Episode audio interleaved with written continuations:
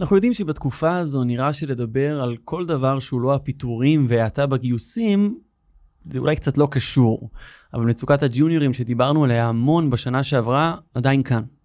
בפרק היום אנחנו ננסה להבין את הפרדוקס של הג'וניורים. איך זה יכול להיות שעדיין יש צורך בכ-20 אלף מפתחים, ומצד שני אנשים שלמדו תארים וקורסים רלוונטיים עדיין מאוד מתקשים למצוא עבודה. נדבר על דוח חדש בנושא של רשות החדשנות ו-SNC, נבחן את המודל של התמחות, וננסה להבין את הסיבות לאתגר של הג'וניורים. זה הרבה פחות מובן מאליו ממה שאתם אולי חושבים. הייטק בפקקים, מבית Start-Up Nation Central. הייטק בפקקים מבית הבית החדש שלנו, Start-Up Nation Central, אנחנו שוב איתכם מדברים על יזמות סטארט-אפים, טכנולוגיה והעתיד. על ההפקה של הפרק הזה עובדים טל חי, לינור גריסריו והדר חי. אופיר זליקוביץ' מתפעל את המצלמות, ואנחנו כרגיל עולים בפייסבוק live ב cross post מטורף של כלכליסט, איצטדיון הסטארט-אפ, Start-Up Nation Central וכפודקאסט בכל אפליקציות הפודקאסטים. ומזמינים אתכם לקבוצת הדיונים שלנו להעלות שאלות שמעניינות אתכם לגבי הנושא של התוכנית בכל שבוע, ואנחנו נתקיל את המומחים שאנחנו מביאים לאולפן. יהיו איתנו היום דוקטור אסף פתיר, הכלכלן הראשי של SNPI, המכון למדיניות של Start-Up Nation Central, ואליס קלר, יוצר טכנולוגי ומי שכבר מיישם גישה מאוד מעניינת להכשרת ג'וניורים. נמצאת איתי באולפן, נירית כהן, מומחית לשוק העבודה המשתנה. שלום נירית. שלום וברכה. פעם ראשונה באולפן המאוד מאוד מאוד יפה כאן. כן, ממש כיף פה. איך המרגש? אה, קריר, קריר. קריר, נכון, יש לנו מזגן בגב שאנחנו לא רגילים אליו בדרך כלל, ואני מקווה שלא ניתפס תוך כדי. אני גם מזהה במצלמות שאני חייב להסתפר, יש לי פה פתאום איזה זווית שלא לא כמו זווית במראה, אני רואה את עצמי בזווית אחרת. אני יכולה להחליף איתך מקום, פשוט לא מסתכלים כן. על המצלמות, זה פתרון מעולה. או שמבינים גם שפשוט צריך ללכת להסתפר. אמ, אז לפני שאנחנו נבין את הבעיה יותר לעומק של מצוקת הג'וניורים ונדבר על דוח ההון האנושי של רשות החדשנות ו-SNC, נמצא איתנו אליס קלר, שנתקלנו בפוסט שלו בפייסבוק, שגם הוביל אותנו לעשות את התוכנית הזאת. עוד רגע אנחנו נבקש ממך להציג את עצמך, אבל לפני כן, בוא נדבר רגע על הפוסט הזה שהוביל אותנו לעשות את התוכנית. אה. שלום, שלום אלי. מה כתבת שם בפוסט? Uh, כתבתי בעצם שאני מאפשר לאנשים uh, לעשות הכשרה uh, בעולם העולם, העולמות שאני מתמחה בהם, שזה JavaScript ועולם הווב, uh, באופן שבו הם בעצם נכנסים לסוג של אה, תהליך הכשרה בערך של כשנה, שבו הם עובדים כאילו בעבודה רגילה, אה, כאשר הם מקבלים אה, משימות או, או דברים לעשות, שהמטרה שלהם בעצם היא אה, להביא אותם לכדי מצב שבו הם יכולים אה, לצאת לשוק העבודה ו... אה, לייצר uh, משכורת או ש- להתקבל איזשהו מקום. שעד כאן על, על פניו זה כאילו לא, כאילו מה חדש, נכון? אני יודעת שאני, השיחה שלנו התחילה כי תהיגו אותי בפוסט שלך, אמ, ולרגע היה נדמה לנו שאתה יצרת איזה, איזה, איזה קונספט אפילו בצורת מודל כלכלי שקשור ב... אמ, אמ, אני לא יודעת אם זה לקרוא לזה on the job training או, או סוג של apprenticeship, apprenticeship, כן, אה, לאנשים צעירים, זאת אומרת, בפועל באת ואמרת משהו פשוט, אה, אנשים יוצאים מהלימודים, מאוניברסיטה, מ bootcamp, לא משנה מה, הם לא יודעים לעבוד. אה, אנחנו האלה שעובדים כבר איקס שנים צריכים להיות על זה ולעזור להם לעבוד. בואו לעבוד איתי פחות או יותר. אה, רק היה פה טריק אני לא משלם לכם אתם לא משלמים לי וזה לא באמת עבודה. בדיוק. אז אה, כן יש פה איזשהו אלמנט. הפוסט הזה הוא גם איזושהי יציאה כלפי חוץ עם הרעיון הזה שהוא כן איזשהו מודל כלכלי חדש שבו אנשים יכולים ללמוד את הכלים הטכנולוגיים החדשים האלו, בין אם זה פיתוח, בין אם זה אה, קריפטו, עולם הביטקוין וכולי, ולהשמיש את עצמם ולהגיע לעולם הזה. לא משנה אם צעירים ברוחם או בגילם, או, או מנוסים כבר באיזשהו, או בעולמות אחרים. אז בוא נלך רגע שנייה אחת אחורה, זאת אומרת, אני חושבת ש... אולי תסביר איך בפעם הראשונה פגשת את הקונספט הזה של בוא נעשה מנטורינג למישהו חדש. אז אני לאורך השנים יצא לי לעבוד בתור טק ליד uh, במגוון תפקידים uh, שעשיתי לאורך השנים, uh, גם בתור עצמאי וגם בתור שכיר. Uh, ובחלק מהמקרים יצא לי לעבוד באמת עם ג'וניורים uh, בשלבים הממש מוקדמים uh, עוד לא עוד לא הבנתי שאני נותן איזשהו mentorship ונכנס לאיזושהי מערכת יחסים כזאת uh, ולאורך השנים שמתי לב ש, שאנשים מתפתחים. Uh, לראשונה uh, לקחתי איזה בחור צעיר, uh, אני חושב לפני עשור בערך, אה, בזמן שעבדתי על איזשהו פרויקט אחר וחיפשתי בעצם אה, זוג ידיים עובדות, אה, ראש טוב על הכתפיים, אה, שיוכל לעזור לי. Uh, ומאחר ואני לא חברה סטארט-אפ מצליח עם, עם תקציבים ענקים, uh, uh, מה שיכולתי להשיג בעצם זה, זה סוג של ג'וניור.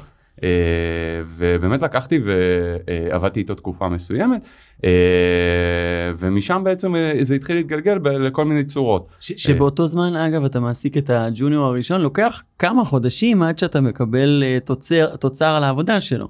בדיוק, אתה, אתה לוקח ג'וניור, ב, לפחות למי שלא מכיר, מי שמכיר בוודאי כבר יודע את זה, אבל כשאתה לוקח ג'וניור אתה יוצא באיזושהי חשיבה, אוקיי, אז הוא לא כזה מהיר, הוא לא כזה טוב, אבל במקום נגיד אה, חודש של עבודה, יעשה את זה בשלושה חודשים, ארבעה ומה חודשים. בפועל, מה המציאות? בפועל המציאות היא שקודם כל צריך ללמוד מה זה עבודה, מה, זה, מה צריך לעשות, איזה חלקים צריך להביא לשולחן, מה מצפים מאיתנו, אה, באיזה צורה מקבלים משימות, איזה סוג של משימות, אה, וכל האלמנט של להכניס קוד ואיזה קוד להשתמש, זה, זה מאוד חשוב, אבל זה, זה רק חלק מזה. ומה שג'וניור לומד ב, אה, on the job, במקומות שבאמת אנשים מתקבלים, אה, זה, זה בערך חצי שנה, אה, קחו סיניור, אוקיי? סיניור שנכנס לעבודה ל onboarding למקומות אה, אה, רציניים ומפותחים, אם אין להם איזושהי תשתית מפוארת של דוקומנטציה ושל אה, יכולות קוד ו- ובאמת משהו בסגנון Airbnb ודברים כמו שאני מעריך, אה, אה, אז לסיניור לוקח כמה חודשים טובים להיכנס כן. לעניינים, הוא, הוא, הוא לא פרודוקטיבי ב-day one. ג'יניורים אה, על כמה וכמה ובדרך כלל זה בערך אה, אה, חצי שנה ולפעמים גם שנה שבו המעסיק אה, מניסיון אישי שלי צריך להשקיע אה, בג'וניור שכזה בשביל להוציא ממנו איזשהו כן. value. אני אפילו שמעתי הערכה של שנתיים, עשיתי קצת מחקר. לפני לגיטימי כן, דיברתי עם לגמרי. ראשי צוותים, והם העריכו את זה בין שלושה חודשים עד שמתחילים לקבל תוצר, עד שנתיים. כי הוא בעצם אומר, יש פה, פה שני מחירים, אנחנו מנסים כל פעם לחפור בתוך השאלה הזאת, אז איך זה יכול להיות שיש אנשים שאומרים שהם בתעשייה הזאת שהם מחפשים עבודה והם סיימו כן. תארים רלוונטיים והם לא מוצאים, אנחנו, הוא אומר פעמיים, הוא אומר פעם אחת, ייקח לו הרבה יותר זמן לעשות כל דבר, פעם שנייה, אני צריך, אני צריך לשים מישהו שבמקום לעבוד, אני, ישקיע בלפתח נכון, אותו. וסטארט-אפים קטנים שאין להם קורסים פנימיים שלהם, כמו שיש אתה לא לדוגמה יכול לוויקס. להרשות לעצמך, לא את הזמן הזמן. של האין עבודה, ולא את הזמן של הסיניור ש, שיחנוך אותו. בדיוק. בדיוק, יש בו אה, גם אלמנט של לדעת, לתת משימות לג'וניור כזה, זה, זה, צריך לפרק את זה, צריך להסביר לו איך לפרק את זה, אם אתה רוצה שהוא ילמד את זה הלאה. אה, זאת אומרת, אתה אומר, זה אפילו, זה אפילו הרבה יותר מורכב מסתם כותב קוד לאט. בדיוק, ו- ואז נכנס האלמנט של אה, אה, אולי למעסיקים, ואני בתור מעסיק, יצא לי הרבה פעמים לראות את זה, בתור שכיר או בתור אה, עצמאי, אה, אה, שצריך איזושהי אה, אורך רוח, במיוחד עם ג'וניור. אה, הוא לא בהכרח יודע למה הוא נכנס, הוא לא בהכרח יודע האם הוא באמת אוהב את התחום הזה. אני למשל נמצא בעולם ה front-end ואני אה, מת על זה, אני כבר מעל 15 שנה אה, כותב JavaScript, HTML ו-CSS ומזיז פיקסלים שמאלה וימינה, אה, וזה לא מתאים להרבה אנשים. אה, ולאורך השנים כשאני מחפש אה, אה, עובדים לתפקידים שונים, אני תמיד מחפש את ה passion הזה אצל הבן אדם כמו שאני יודע שיש אצלי. זאת אומרת מישהו שזה הפיקסלים וה, וה, והתזוזות וה, והדברים הקטנים האלה הם, הם, הם מה שמעניין אותו ושהוא יודע ללמוד לבד. ובאמת באותו פוסט גם ביקשת שיתייחסו את זה כאל משרה מלאה, להקדיש לעניין שמונה שעות ביום, גם אם לא ממש תתכנתו כל הזמן הזה, חלק מהזמן תלמדו. זה עבודה במשרה מלאה לכל דבר ועניין. העבודה במשרה מלאה זה ללמוד להפוך בדיוק. להיות מישהו שיגייסו אותו אחר כך. כן. אבל שנייה קפצת קדימה, אני עוד תקועה ב... אז גייסת את הראשון שלך, ראית שזה לא סתם לכתוב קוד בשלושה חודשים במקום בחודש, ולמה לא עשית מה שרובנו עושים, לפי הדאטה, כן? שזה להגיד, אוקיי, הבנתי, לא השקעה כלכלית לגייס ג'וניור, עדיף לי לשלם יותר כסף, להביא מישהו שיודע לעבוד. אז קודם כל, אה, מאז יצא לי אה, להעסיק חבר'ה כאלה ג'וניורים רק בתפקידים שבהם לא אני המעסיק, זאת אומרת כשכיר או כחלק מפרויקט ואני אה, אחראי על חבר'ה כאלה, אה, ואני די עברתי לעבוד במודל אה, שהוא ללא תשלום לשני הצדדים. אה, די מהסיבות האלה, זאת אומרת, אה, לקחת מישהו אה, ג'וניור ולהכשיר אותו, זה אה, לא משנה באיזה שכר, זה, זה, זה עלות מטורפת אה, אה, למעסיק, ולי כ, כבן אדם פרטי בדרך כלל אין את האופציה הזאתי. אה, אז עשיתי את זה באופן אה, לחלוטין וולונטרי לשני אני הצדדים רק לאורך זהו, אני השנים. רק לא כל כך מבינה, אני, אני, אתה אומר, אני רוצה לוודא שאני מבינה, אתה אומר, אתה, אתה סיימת ללמוד, לעבוד אתה לא יודע, trust me, אני, אבל אני אלמד אותך, בוא, בוא תעבוד במשך שנה, משרה מלאה במובן של תיקח בחשבון שזה עבודה לכל דבר, על מה? אה, בדרך כלל יש פרויקטים... לה כוח? קשה, בדרך כלל זה פחות, אה, פחות משתלם ו- וזה יותר עבודה אז זה לעשות. אה, תוכנית חפיפה לצורך העניין. אה, זה- בדרך כלל זה, זה היכרות, אה, זה מצד אחד לתת לבן אדם את הכלים של ללמוד אה, לבד. אה, הרבה מהדברים שאני לומד ואני מעביר הלאה, הם, הם דורשים אה, למידה עצמאית. ללא הלמידה העצמאית הזאת, סבבה, אתה מגיע עם איזשהו בסיס מה, מה, מהמכון או מהמכללה שהגעת ממנה, אבל אם אתה לא מכיר את היכולת אה, ללכת ולחפש ולה- ולהתעדכן ולנסות וללמוד לבד, אתה די נתקע במקום בעולמות האלה. אה, אז קודם כל זה, זה באמת אה, לתת לבן אדם לראות שהוא יודע להסתדר, אה, אה, כך תעשה אפליקציה. מה זה אומר תעשה אפליקציה? מאיפה מתחילים? אה, ג'וניור בכלל לא יודע, עורך קוד, מה זה גיט? אה, דברים מאוד בסיסיים כאלה. אה, אז אה, חלק מהתכנים אני מעביר ב, אה, בלינקים יוטיובים או, או כל מיני אה, אה, קורסים מגניבים של יודמי, או באמת שפע פשוט מטורף של הדברים האלה בחוץ.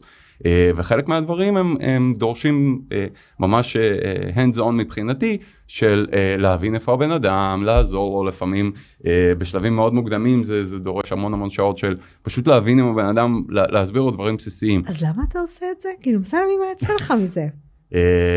שתי סיבות. אה, באיזשהו שלב בהתחלה חשבתי אני אצליח להוציא איזשהו value אמיתי, זאת אומרת הם יכתבו קוד, אני צריך את הקוד הזה, וזה איפשהו הפוסט שאתם אה, נתקלתם בו, זה איזושהי חשיבה של קדימה באמת לעשות איזה משהו כזה ולפתח את זה הלאה. אה, אבל ש- היום... מה אני ש- אגיד רק על הרעיון הזה, הרבה חברות שמחפשות לקלוט ג'וניורים, צריך להבין שיש לזה משמעויות גם באיך שבנוי הקוד. אני צריך לתת איזשהו, אם- אם אני עכשיו אושיב אדם, ואני צריך שהוא ילמד קודם כל את כל הלגאסי של הקוד, ואיך כל הדברים בנויים וכולי וכולי, ייקח לו איזה חצי שנה לעשות את זה. ובשביל לקבל תפוקה מבן אדם בצורה מאוד מאוד זריזה, אני צריך שיהיה לי פיסות שהוא יכול ישר להתחיל לעבוד עליהן ולתת תפוקה, וזה משהו שצריך ללכת אחורה לרמת הארכיטקטורה, וכשאתה אומר, בהתחלה חשבתי ש, שאני אוכל להביא איזשהו תוצר אמיתי מהדבר הזה, תוך כדי הבנתי שלא, זה, זה בין היתר בגלל זה. בין היתר, כן, כי אה, מצד אחד זה באמת ה- ה- המקומות איפה שאתה צריך את הבן אדם, איפה שאתה צריך, אה, אוקיי, עכשיו יש לי, זה, ה- זה הסביבה, זה התשתית, זה הלגאסי, לא משנה מה, אה, בוא תיכנס, תעשה את זה שם. ו- ושם בדיוק זה איפה שחברות אה, מסחריות גדולות אה, צריכות אה, אה, סיניורים, בשביל שהם ידעו מהמם. לצלול פנימה ולהבין אה, אה, מה עושים. אה, בזמן שהג'וניורים, אה, יכול להיות שהם לא יהיו טובים בזה. אז סבבה שאתה דורש את זה מהם. כן. אבל אה, אם תבקש משהו ממישהו שלא יודע לעשות את זה, או לא אוהב לעשות את זה, או לא רוצה לעשות את זה, ואצל ג'וניורים זה הרבה יותר מובהק, אז זה בעייתי. זה, זה, זה גורם לי לחשוב, יש תופעה שאנחנו רואים אותה בעולמות העבודה באופן כללי, זה אפילו לא רק קשור בטכנולוגיה, כן? ש, של לפרק עבודה לטסקים. וכל, כל הקונספט הזה של, אה, של הגיג איקונומי זה כי אתה יכול לפרק עבודה לטסקים ולתת לאנשים לעשות את הטסקים האלה. אבל בעצם אתה אומר, חלק מה... אולי מרחב הפתרונות של יכולת לה, להביא ג'וניורים, זה לחשוב על איפה אפשר ממש לזהות כן. לא משרות ולא משימות ולא ככה output אלא יותר טסקים שהם בפני עצמם יחידות שהן מספיק קטנות ופשוטות. ומלכתחילה לבנות את הקוד בצורה כזאת כן. שמאפשרת את זה, ממש ברמת הארכיטקטורה. אתם מזכירים לי פרויקט אה, שאני מאוד מחבב, שנקרא גיטקוין. אה, פרויקט אה, די מפורסם, אבל הוא לא מתפוצץ, לא תופס אה, תאוצה, וזה באמת משהו שמאפשר לאנשים לייצר כל מיני פיסות קוד, יש אה, באגים ב GitHub, אתה יכול לענות על הבאג או feature request ולענות על זה, אבל זה לא תופס ולא מתפתח, כי נורא נורא נורא, נורא קשה לתת לאנשים להיכנס לקוד אחר, אלא אם זה open source, זהו. כל מיני דברים כאלה. חשבתי ואז- ישר על אה, עולמות. של open source. אז אה, נחזור רגע שנייה אחת להבן, אתה, אתה, הפוסט שלך בא ואמר בואו, בואו נעשה סוג של בארטר. זאת אומרת, אתם תקבלו הכשרה, אני אעשה לכם סוג של מנטורינג, אני, אז, אני אלמד אתכם לעבוד. אני עדיין עם. סימן שאלה לגבי הצד השני, מה אתה אז זהו, מקבל? אז זה בדיוק הייתה השאלה שלי. אז בברטר כזה, מה, כי זה לא עבודה, זאת אומרת, אתה כבר, גם אנחנו חשבנו בהתחלה שאתה מקבל מזה עבודה, במובן של, יש לך לקוח למוצר, ובעצם קיבלת אנשים שהם קיבלו הכשרה, ואתה תקבל תוצר. ואתה אומר, לא, כי אני למדתי שהם לא באמת מצליחים להוציא תוצר. מה יוצא לך מזה? לי יוצא אה, קודם כל הרצון באמת לייצר איזשהו תוצר כזה. אה, אני מבין את זה לאורך כמה שנים שזה מאוד קשה לייצר את זה, אז אני מחפש באמת איזשהו מודל כזה שזה יכול לעבוד בו. אה, גם מהבחינה הכלכלית וגם מהבחינה המוצרית, טכנית, ניהולית. אז זה קודם כל. ומהצד השני, זה נותן לי איזשהו סיפוק גם ברמת הלימוד, חינוך, העברת ידע, הכישורים שיש לי והיכולות שיש לי. אה, וגם אני מקבל איזשהו יכולת אה, שיעורים בניהול. זאת אומרת, אה, תסביר את השיעורים בניהול. בסופו של דבר אני מנהל את, ה, את האנשים האלו ואני צריך לתת להם מענה, וכמו שאתה ראש צוות או מנהל מחלקה בעבודה, ככה זה אותו דבר פה. בעבודה בתור מנהל או בתור מפתח אתה יכול לעשות טעויות ויש לזה איזשהו מחיר. ובדיוק כמו שאולי בעבודה אני אעשה איזושהי טעות קטטונית שבדיעבד אני אוכל ללמוד עליה, וזה יכול לעלות לי אולי ב... לא יודע, באלוהים יודע מה. אה, ככה גם המתכנת יכול לעשות איזושהי טעות וזה יכול לעלות לו.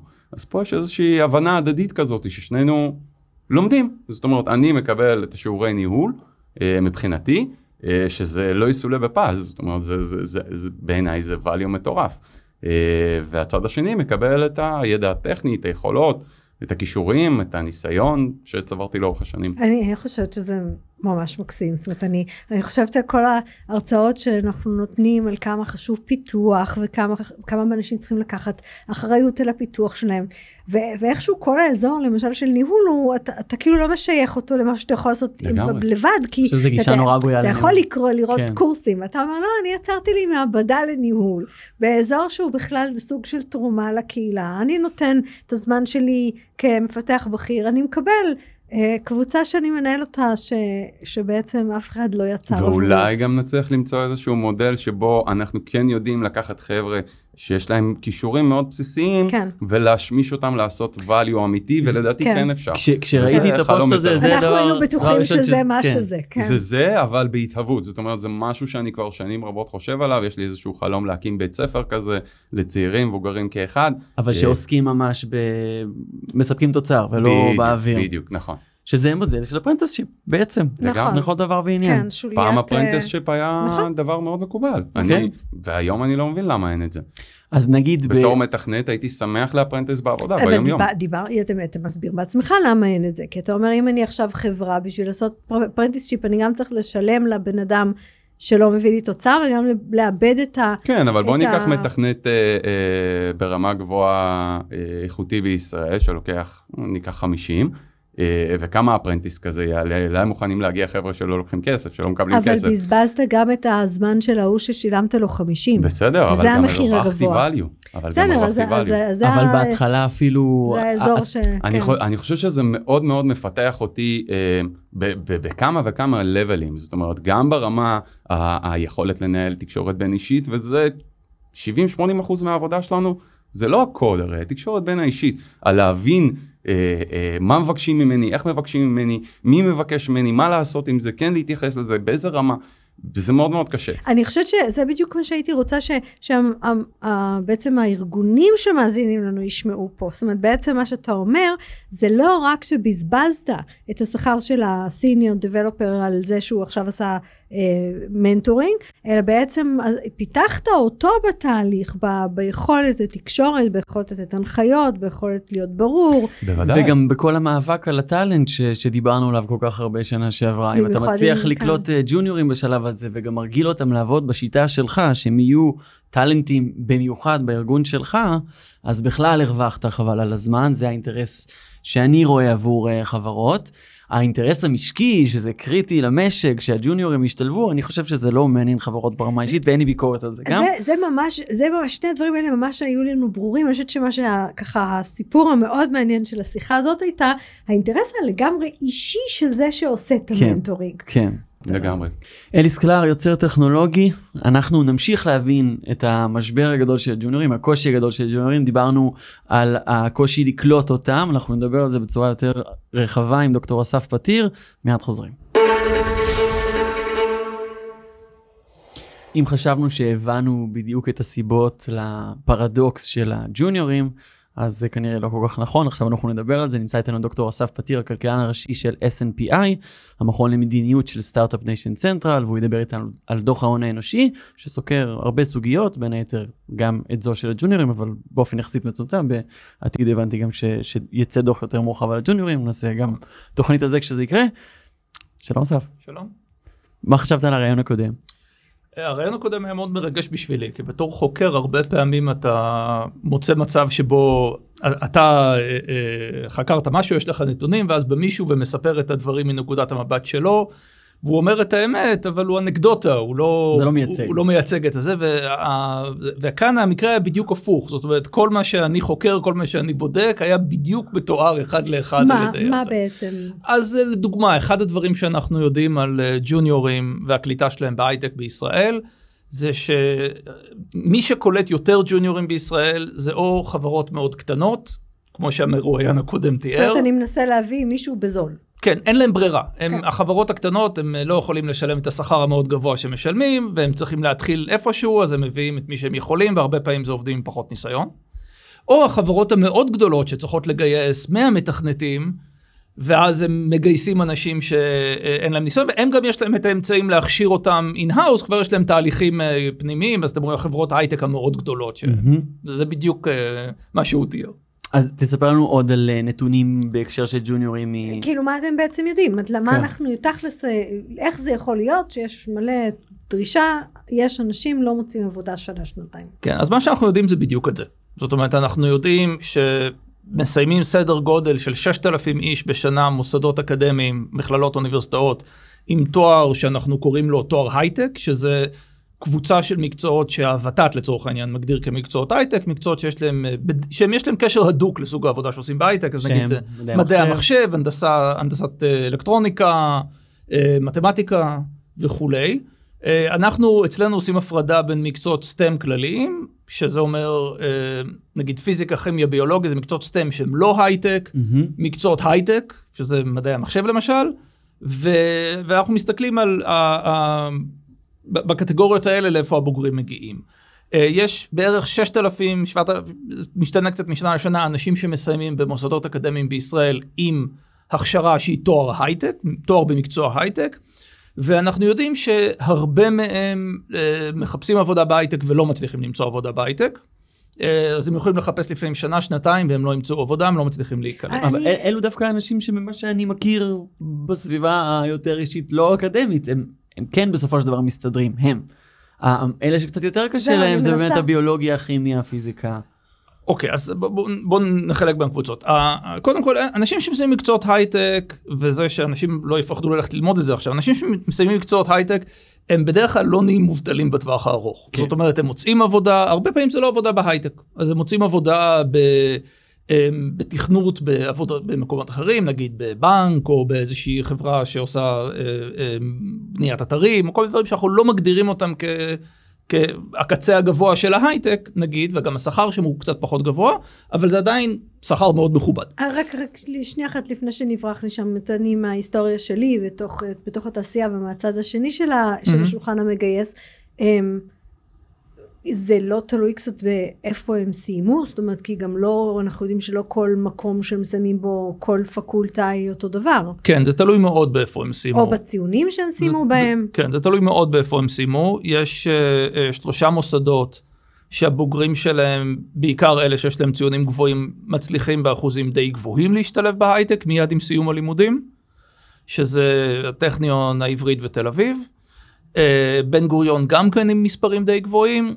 Uh, שאר האוניברסיטאות uh, במספרים קצת יותר נמוכים, המכללות מספרים קצת יותר נמוכים. אז זה פחות או יותר הסטטיסטיקה. זה לא אומר שאין אנשים שמסיימים במכללה ומוצאים עבודה בהייטק, אבל האחוזים הם אחרים. ברור, זאת אומרת, קודם כל אתה אומר, הולכים ללמוד מקצועות הייטק, זה, זה תלוי כאילו גם איפה למדתם, גם באיזה ציון סיימתם. בסופו של דבר יש התפלגות, חלק הולכים ל high-end של הייטק, חלק הולכים למה שלמדנו הופך להיות מוגדר כהייטק, שזה באמת היחידות הטכנולוגיות של חברות שהן. עצמן לא הייטק. רק ספציפית, מה, מה עם אה, אנשים שמסיימים bootcamp ים ולא הכשרה אקדמית? אז אנחנו, אין לנו מספרים על כמה אנשים מסיימים בוטקמפים, יש לנו מספרים על כמה אנשים בהייטק הגיעו להייטק אחרי שהם סיימו בוט. שזה בוטקמפ. כמה? אז אנחנו, אנשים שמגיעים להייטק רק עם בוטקמפ, בלי תואר אקדמי, הם, מה שאנחנו רואים, כמו 9% מהעובדים פחות או יותר. כן. זה כולל אגב שעברה. יוצאי צבא? אנחנו לא בדיוק יודעים. אנחנו לא יודעים. קשה לנו לקבל את הנתונים האלה. כן. אוקיי, בסדר. אז, אז הבנו ש, שאת ההתפלגות של מי שסיים כן. כן. תואר, ו... עכשיו, רק צריך להגיד שיש אנשים שעושים למשל תואר בפיזיקה, ואחרי זה עושים bootcamp, ואז משתלבים בהייטק, אז כן. אנחנו לא סופרים את זה כ bootcamp בלבד. אתה מגדיר אותם כי- כבוגרי... אה, אני בתואר- מגדיר אותם כבוגרי STEM. STEM, כן, כן. בדיוק. ואלה אנחנו יודעים, לוקח להם יותר זמן לנחות. אני לא בטוח, זה קצת שונה, אני לא בטוח, גם, אה, זה גם קצת משתנה בין התתי סקטורים בתוך ההייטק, כי נגיד יש חברות cleantech, energy tech, food tech, agri-tech, ששם הם ממש ב core. שם יש יותר מדענים ופחות, אה, ברור. כן, אז... אה, עכשיו גם ממשיכים יותר שנים, זה, זה תחום אה, עם אוריינטציה קצת אחרת, אבל כששאלת מקודם אם אנחנו יודעים מאילו מוסדות הם מגיעים ואיזה ציונים הם קיבלו, אני חושב שזה בדיוק נוגע באחת הנקודות הקשות בהעסקת ג'וניורים, שהיא זה שאין לנו הרבה מידע עליהם. אנחנו יודעים באמת מאיזה, איזה מוסד הם סיימו ואיזה ציון הם קיבלו, ופחות או יותר זהו. עכשיו אני יודע שפה את תחלקי עליי. לא, אני, אני, אני תקועה עם מישהו שסיים במוסד שהתעשייה מכירה כמוסד שמלמד את מה שצריך שילמדו. שזה אגב לא רק טכנולוגיה, זה גם מיומנויות, כן? כי שמענו פה כן. כמה חשוב לדעת ללמוד, כמה חשוב Mhm. לדעת לנהל את עצמך וכולי וכולי. אז, אז זה לא, ובהרבה מקרים אגב החבר'ה האלה עובדים תוך כדי הלימודים באיזשהו שלב, בתפקידים סטודנטיאליים כאלה או אחרים. זה לא צריכה להיות בעיה להיקלט. נסה עדיין לשים את האצבע על מה זה הג'ון, מי זה הג'וניור הזה? שמס, ש, שסיים מקצוע, שסיים הכשרה רלוונטית ומסתובב שנה שנתיים בלי למצוא עבודה. עכשיו אנחנו דיברנו עם חבר'ה כאלה מהמם. כשהם, כשזה הייתה סוג של הסבה. זאת אומרת שמה שהוא למד זה ביולוגיה ואז הוא נכון. רצה לעבוד בהייטק לא בחברות שגייסו מהמם. אותו בגלל הרקע של הביולוגיה. אז זה, זה משהו שהוא כזה סמי הסבה אומרת, ואנחנו מכירים את זה. שאגב, אם אתם מחפשים, אה, קוראים לפרק ג'וניור מחפש עבודה ראשונה, מה כדאי לו לדעת? עשינו פרק ממש ספציפי עם מישהו שעשה את כל המסלול מאוד ארוך, מ- וממש ללמוד הנדסת נכון. מכונות, ו- ושנה וחצי חפר בכל מיני דרכים בשביל למצוא עבודה בהייטק. ופיצח את זה בסוף. הצליח, כן. כל הכבוד. כן. אז אני אגיד לכם, אנחנו קודם כל עובדים על זה. זאת אומרת, אה, אנחנו עובדים עכשיו על מחקר גדול שבו אנחנו אוספים הרבה יותר נתונים ומנסים להבין קצת יותר טוב את מסלול הקריירה. תראי, גם יכול להיות שיש אנשים שיש להם הכשרה רלוונטית והם הולכים לעבוד ב... נגיד, שוב פעם, במחלקה טכנולוגית של בנק, והם אחרי זה הולכים לעבוד בהייטק, זה גם כן לא נורא. שזה אגב מסמן לג'וניורים שמחפשים עבודה דרך. אתה אומר, אתה אומר, לא קרה שום דבר. אם בדרך למשרת החלומות שלך באיזה סטארט-אפ. תעשה קדנציה במקומות שתלמד לעבוד בהם. נכון. יחד עם זה זה פרדוקס, אני חושב שזה חשוב להדגיש למה אנחנו קוראים לזה פרדוקס. למה? כי אנחנו יודעים, כשאנחנו מסתכלים בנקודת זמן נתון, לדוגמה בדוח ההון האנושי האחרון שלנו, הנ- הנתון שאנחנו ראינו שיש סדר גודל של 20 אלף משרות טכנולוגיות פתוחות בהייטק. עכשיו צריך להבין, משרות טכנולוגיות פתוחות זה, זה, בתור כלכלן חשוב לי כאן לדייק בדבר הזה, אתה מסתכל בנקודה מסוימת בזמן וסופר כמה משרות פתוחות יש. מהמם. עכשיו, זה לא אומר שזה... משרות פתוחות הם, הם... בכל רגע יש משרות פתוחות בכל מקצוע. כי תמיד יש מישהו שמחפש עבודה, יש מישהו שמחפש עבודה כרואה חשבון, כאילו מישהו שמחפש להעסיק רואה חשבון, ויש מישהו שמחפש להעסיק מטפלת, אז בכל רגע יש משרות פתוחות בכל התחומים. אה, אבל 20 אלף ביחס ל-6,000 נגיד בוגרים, כן, וה-20 אלף האלה מתמלאות באיזשהו קצב. כן? אה, חלקם מאנשים שעוברים ממקום למקום ו- וכולי, אז בסדר, אבל בכל זאת, המספר הזה הוא מספר גבוה. כן. אה, ומצד שני, למרות שיש 20 אלף אה, משרות פתוחות, יש אנשים שלא מוצאים את העבודה. עכשיו, ככלכלן זה מעורר אי נחת. נכון, אתה אומר איך זה יכול להיות? אתה אומר, איך זה יכול להיות? זאת אומרת, אה, אה, יש, אה, השכר הוא די גבוה. אז יכול להיות שגם אם הג'וניורים האלה הם פחות פרודוקטיביים, היית אומר בסדר, אבל אנחנו יודעים שהם ג'וניורים והם יודעים שהם ג'וניורים, אז יהיו מעסיקים שיסכימו להעסיק אותם בשכר יותר נמוך, בפרודוקטיביות יותר נמוכה. זאת אומרת, אם אתה... משהו שייקח לו פי שלוש זמן מאשר מישהו אחר, אז תיקח שלושה כאלה. שזה הדוגמה ששמענו מקודם, אז, אז אתם מנסים נכון. להבין מה, מה אז היית המקור מצפה של שזה הפרדוקס. ייסגר. אז נכון. מה קורה? עכשיו, יש כמה, אנחנו לא יודעים למה זה. ובגלל זה אנחנו קוראים לזה פרדוקס ומדברים על זה כל הזמן. אה, אני חושב שאפשר להציג כמה היפותזות. וההיפותזה הראשונה נקרא לה היפותזה האכזרית. ההיפותזה הזאת היא הולכת ככה.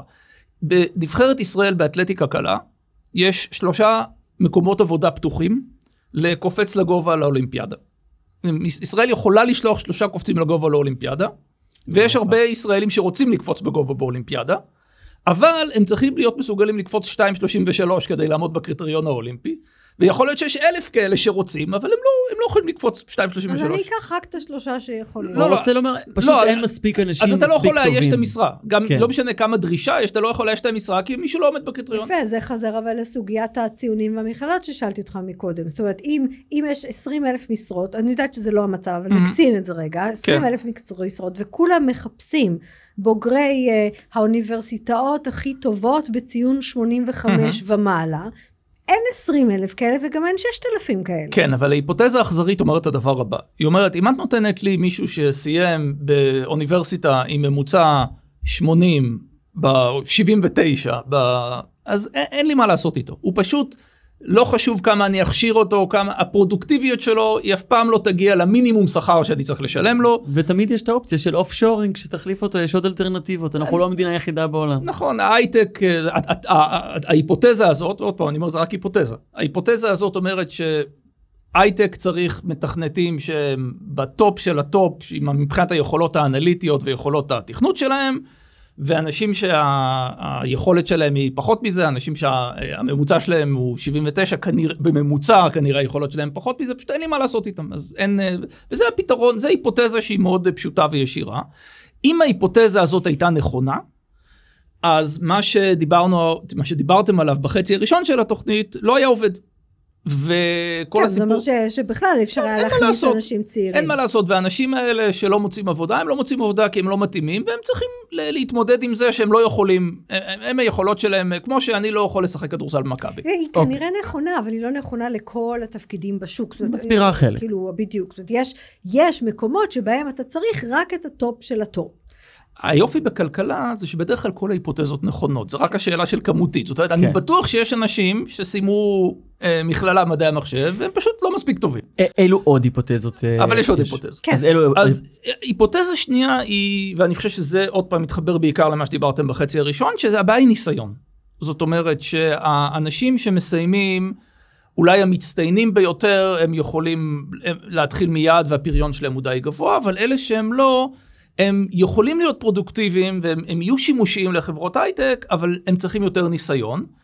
וכאן יש איזושהי בעיה שהמבנה המוסדי של, ה, של ה, ה, הכללים והחוקים הם כאלה, שלחברות הייטק לא משתלם לתת להם את הניסיון הזה. אז uh, אני חושב שאחת הבעיות ש, שמנהלים הרבה פעמים מדברים עליהם זה, אני לוקח ג'וניור, אני מכשיר אותו, לוקח שנה עד שהוא בכלל מגיע לאיזשהו מצב שהוא תורם משהו לחברה שלי, ואז ברגע שזה קורה הוא מקבל הצעה לעבוד אצל. מישהו אחר בשכר יותר גבוה. וזה, וזה הסיפור של ה apprenticeship שדיברנו עליו מקודם, זאת אומרת שבמודלים... לא, זה לא היה on mic, אז אנחנו צריכים להגיד את זה שוב. כן, לא, אני רוצה לחזור לשם. כן. זה שהן במודלים אה, אה, היסטוריים של apprenticeship, זה לא, זה, זה, אתה לא, אתה, אתה, אתה מקבל את ההכשרה ואתה לא ישר בורח. אז, אה, אז הזכרנו apprenticeship, נגיד ש, שדיברנו קצת על אנגליה, שיש שם מודל מעניין שמחייב חלק מהחברות להוציא איזשהו סכום על הכשרות, ו, ודיברנו קצת עליה, ואז חזרת חזרה למקורות ההיסטוריים של apprenticeship באנגליה. אז, אז אה, יואל מוקיר הוא אה, פרופסור באוניברסיטת Northwestern ו- ואחד ממוריי האהובים, אה, והוא באמת אחד המומחים הגדולים למהפכה התעשייתית, ואחד ההסברים שלו ללמה המהפכה התעשייתית קרתה דווקא באנגליה, יש עוד גורמים, אבל הוא טוען שאחד הגורמים המרכזיים זה שבאנגליה יש מסורת של apprenticeship, אה, והמסורת הזאת היא אומרת פחות או יותר משהו כזה, אה, כשנער מגיע לגיל, לא יודע, 13-14, משהו כזה, המשפחה שלו תשלח אותו לעבוד אצל נפח, שילמד אותו את מקצוע הנפחות. הילד, הוא יהיה בן בית אצל הנפח, הוא יגור אצלו בבית, הנפח ייתן לו דמי כיס ויכלכל אותו, והוא יעבוד אצלו וילמד את מקצוע הנפחות. יהיה מנומס כל הדרך. אה, כן. הכל יש שם, ווליאם, פלי פיזר, כן. בדיוק. אה, הלו. וכשהוא יסיים את ה... למרות שאני חושב שבמעמד העובדים לא דיברו מבטא כזה של- אה, בצפון אנגליה. אבל כשהוא מס... אבל יש כל מיני מנגנונים מאוד חשובים שהתפקיד שלהם להבטיח שעם סוף ההתמחות, כשהנער יגיע למצב שבו הוא יכול להיות נפח עצמאי, הוא לא יתחרה במנטור שלו. אה, כי אם הוא יכול עכשיו להקים אה, חנות נפחות מתחרה מעבר לכביש, אז כמובן שלנפח לא יהיה הוותיק לא יהיה אינטרס, אינטרס כן. להכשיר אותו. אז יש כל מיני מנגנונים ש... ש... מצד אחד זה מנגנונים של אי תחרות, ואנחנו בדרך כלל ככלכלנים לא אוהבים אותם. אה, מצד שני, הם כן מבטיחים שההון האנושי יתפתח בצורה כזאת. כן, במקרה אז- שלנו הסוגיה של תחרות היא פחות משמעותית מהסוגיה של אני אכשיר אותך ואחרי זה תברח למשרה כן, המשלמת הבאה הסיפור הזה לא עובד עם לא, התחרות. שקופצים הסוגיה. לעבודה, לא, זה כן. פשוט לא בדיוק עובד. התחרות. כן, כן. ועקרונית, עכשיו, היה הפתרון פשוט לזה, זה להגיד, אמ, אנחנו נפקיד איזה פיקדון, שאתה מתחייב עכשיו לעבוד אצלי חמש שנים, ואם כן. אתה לא עובד כן, אצלי זה חמש שנים, לא. אבל זה לא מהניסיון חוקי. שלי זה לא כן. חוקי. נכון. אבל אני כן אגיד שחלק מהחברות היותר גדולות, הדרך שבה אנחנו פתרנו את זה, זה באמת מה שאנחנו קראנו מנגנוני העסקה סטודנטיאליים. זאת אומרת שהסכם העבודה כסטודנט הוא, סוג של בחינה דו צדדית, ואני אני כמעסיק אקח אחרי זה את הסטודנטים. שאני בוחרת, ואחרים הכשרתי נכון. אותם בשביל השוק. וגם אנחנו רואים את המודל של אופציות שלאט לאט מבשילות ואז ככה משתלם לי לחכות עוד שלוש שנים כי אני אוכל לזכות בהעלאה משמעותית בשכר. תראו, עכשיו יש רעיון שעולה מדי פעם, וזה אה, לעודד חברות לקחת אה, עובדים חסרי ניסיון, על ידי זה שאתה משלם להם עבור ההכשרה in-house. כן שזה מזכיר את המודל הבריטי שהזכרנו בקצרה. עכשיו, זה רעיון שהוא מאוד בעייתי, בעיקר כי בסך הכל עובדי ההייטק בישראל הם מרוויחים שכר מהגבוה שיש. הם בעתיד, אם מי שיצליחו ירוויחו שכר מאוד גבוה. ואז אתה אומר לעצמך, למה שאני אסבסד אנשים שהם מקבלים את השכר הגבוה במשק? אז יש כל מיני, עוד פעם, יש כל מיני מודלים שאפשר לפתח, וצריך צריך הרבה עוד לחשוב על זה, אין לי איזה פתרון. אה, יש עוד היפותזות, זאת אומרת, בעצם העלית שתיים. אחד אמרת, לא, צריך רק כאילו את הכי טובים, שנייה אמרת, אה, בעצם אה, אני, כאילו זה לא כלכלי אה, זה לא משתלם, להכשיר כי הם אותם, עוזבים כי הם וכי לוקח להם. הרבה יש זמן. עוד סיבות כן, לפרדוקס הזה? יש כמה הצעות שאני פחות קונה אותן אגב. אה, בקצרה, בכותרת. אוקיי, אז נגיד הצעה אחת היא שהמעסיקים פשוט לא יודעים לזהות את, ה, את, את העובדים כן. האיכותיים יותר, זאת אומרת מאוד יכול להיות שיש אנשים שמסיימים במכללה והם, והם טובים מאוד. אני חייבת אה, להגיד לך שאני עשיתי, שהייתי סמנכ"ל משאבי אנוש של אינטל ישראל, אה, ו- וזה היה ממש, רק התחילו המכללות, זה עוד לא היה מאוד נפוץ. אה, אז בהגדרה כל המנהלים מגייסים היו בהגדרה בוגרי האוניברסיטאות, זה מה שהיה גם, ועשינו ניסוי. באמת, אה, כאילו, ממש אה, להכניס מועמדים לתהליך בלי שהמנהלים מגייסים או מראיינים, יודעים בדיוק מאיפה הם הגיעו. אה, ו- וכאן התשובה, כמו תמיד, זה תלוי, תלוי מאיפה, כן? יש מקומות שאתה, מכללות שאתה לומד שאתה יכול לגייס מהם, יש מכללות שאתה לומד שאתה לא יכול נכון. לגייס מהם, זה אגיד נכון לדעתי בעוד מקצועות. אני אגיד לכם למה אני לא לגמרי קונה את זה. יש, יש בוטקמפים, למשל, אני לא אציין שמות, אבל יש כמה בוטקמפים שעושים את זה, שהם, זה בוטקמפים ארוכים, שהם לוקחים שנה, הם מממנים לחלוטין את ההכשרה על חשבונם. נכון, ואז אתה עובד אצלם בשכר מאוד נמוך למשך כן. תקופה מסוימת. ורק ש... לא, וכשאתה מוצא עבודה אתה משלם את ה... אתה משלם בדיעבד אוקיי. מהשכר שלך. עכשיו לבוטקמפים האלה מאוד לא משתלם לקחת אנשים שאחרי זה לא ימצאו עבודה. נכון. אז יש להם בחינות מיונים של שלושה ארבעה ימים שהם נותנים כל מיני משימות קידוד כדי... אין בעיה, אבל זה עדיין מגדיל את סל האנשים נכון. שנכנסים להייטק. והם לא טוענים, בהכרח- כן כן כן, הם טוענים ש... שהמיונים שלהם מספיק מוצלחים כדי שאחרי שלושה ימים הם יודעים מי, מי יצליח ומי לא יצליח לעבור את הבוטקאמפ ואחרי זה למצוא עבודה. מה שאני אומר, אם הבעיה באמת הייתה בעיה של אינפורמציה, או בעיה של אה, פילטרים במיון, אז היית מצפה שתקום חברה פרטית ותגיד, תראו, אני עושה מבחנים. אני עושה מבחנים, אני נותן, אני עושה מבחן של כל מי שרוצה בא אליי, משלם אלף שקל, עושה מבחן של שלושה ימים, בסוף המבחן אני מוציא תעודה של איזה ציון קיבלת, ואז המעסיק ידע מה האיכות שלך, מבחן שהוא תוספת על עם איזה כן. תואר סיימת. זה לא קורה, ואני חושב שזה לא קורה כי זה לא באמת בעיה. זה אגב שאלה ממש מעניינת, כי צה"ל הוא, הוא, יש לו שני אלמנטים של מה שאתה אמרת. אחד זה הוא באמת, הוא ממיין, והוא כן עושה משהו כזה, ולפי זה מכניס אנשים שהוא מאמין שיוכלו לעמוד בבוטקמפים שלו. כן.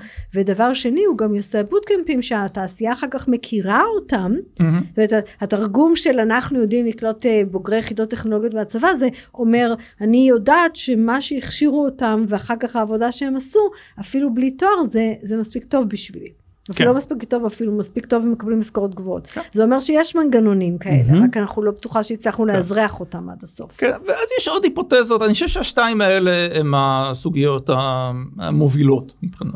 אני אגיד לך מה אני למדתי. כן. אחד, למדתי שאנשים שרוצים להיכנס לתעשייה, יש דרכים. זאת אומרת, כמו ש, שהרבה מאוד מקצועות הלכו ועשו תפקידים בשכר נמוך, מעקפים דרך מקומות אחרים, אז יש כל מיני מקומות שאם לא למדת, או שהציונים שלך לא מספיק, או עשית bootcamp, או כל גרסה של הדבר הזה, יש מקומות שכן יקלטו אותך. אז אה, ללכת, להתחיל משם, פשוט להבין שאתה צריך לעשות את הדרך הקצת יותר ארוכה. וגם להבין שזה לא הכל לכתוב קוד. אומרת, זה ללמוד ללמוד, זה ללמוד לפתח את עצמך, ולמצוא למצוא את התהליכי mentoring האלה. שמבחינה הזאת אני מקווה שמי שקובע את התוכניות באקדמיות שמנסות להכשיר זה אנשים ממש בדיוק לדבר מתבקש הזה, שיקשיבו לזה, כן. שיהיה איזה קורס, אפילו רשות אם אתם רוצים לעשות אותו ככה. או איך, אגב, זה לא לקחת. חייב להיות קורס, זה צריך להיות האיך. זה חלק, אגב, לדעתי חלק מה שמפריד את האוניברסיטאות הטובות מאלה שהן פחות טובות, שמלמדים אנשים ללמוד, לפצח לבד, אה, לעבוד בצוותים, אה, אלמנטים מהסוג הזה.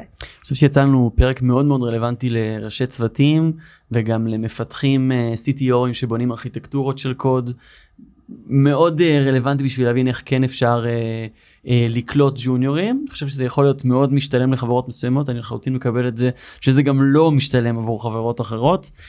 תודה לדוקטור אסף פתיר, הכלכלן הראשי של SNPI, המכון למדיניות של סטארט-אפ ניישן צנטרל. ואנחנו ניפגש שוב כשנרחיב יותר לעומק אה, על הדוח הספציפי של הג'וניורים. ולכם המאזינים שלנו, תודה לכם שהאזנתם לנו, תודה לכלכליסט ולסטארט-אפ ניישן צנטרל על שיתוף הפעולה. אנחנו מזמינים אתכם לקבוצת הפייסבוק שלנו שנקראת באופן לא מפתיע הייטק בפקקים, להציע רעיונות לנושאים, לתייג אותנו בפוסטים רלוונטיים כדי שאולי גם הם יהפכו לפרק, וגם לפני הפרקים אנחנו נעלה את התוכניות ונשאל אתכם איזה שאלות אתם רוצים לשאול, תוכלו להצטרף לדיונים האלה. תודה נירית כהן, שכאן איתי. תודה אה, לנירית ולדנו. ואם אהבתם את הפרק, אנחנו מזמינים אתכם לדרג אותו בחמישה כוכבים, אפל פודקאסט, ספוטיפיי, כל המקומות האלה שיש בהם פודקאסטים. תודה רבה, תודה רבה לאופיר שעושה לנו את הניתוק של הוידאו, ואנחנו נשתמע בשבוע הבא.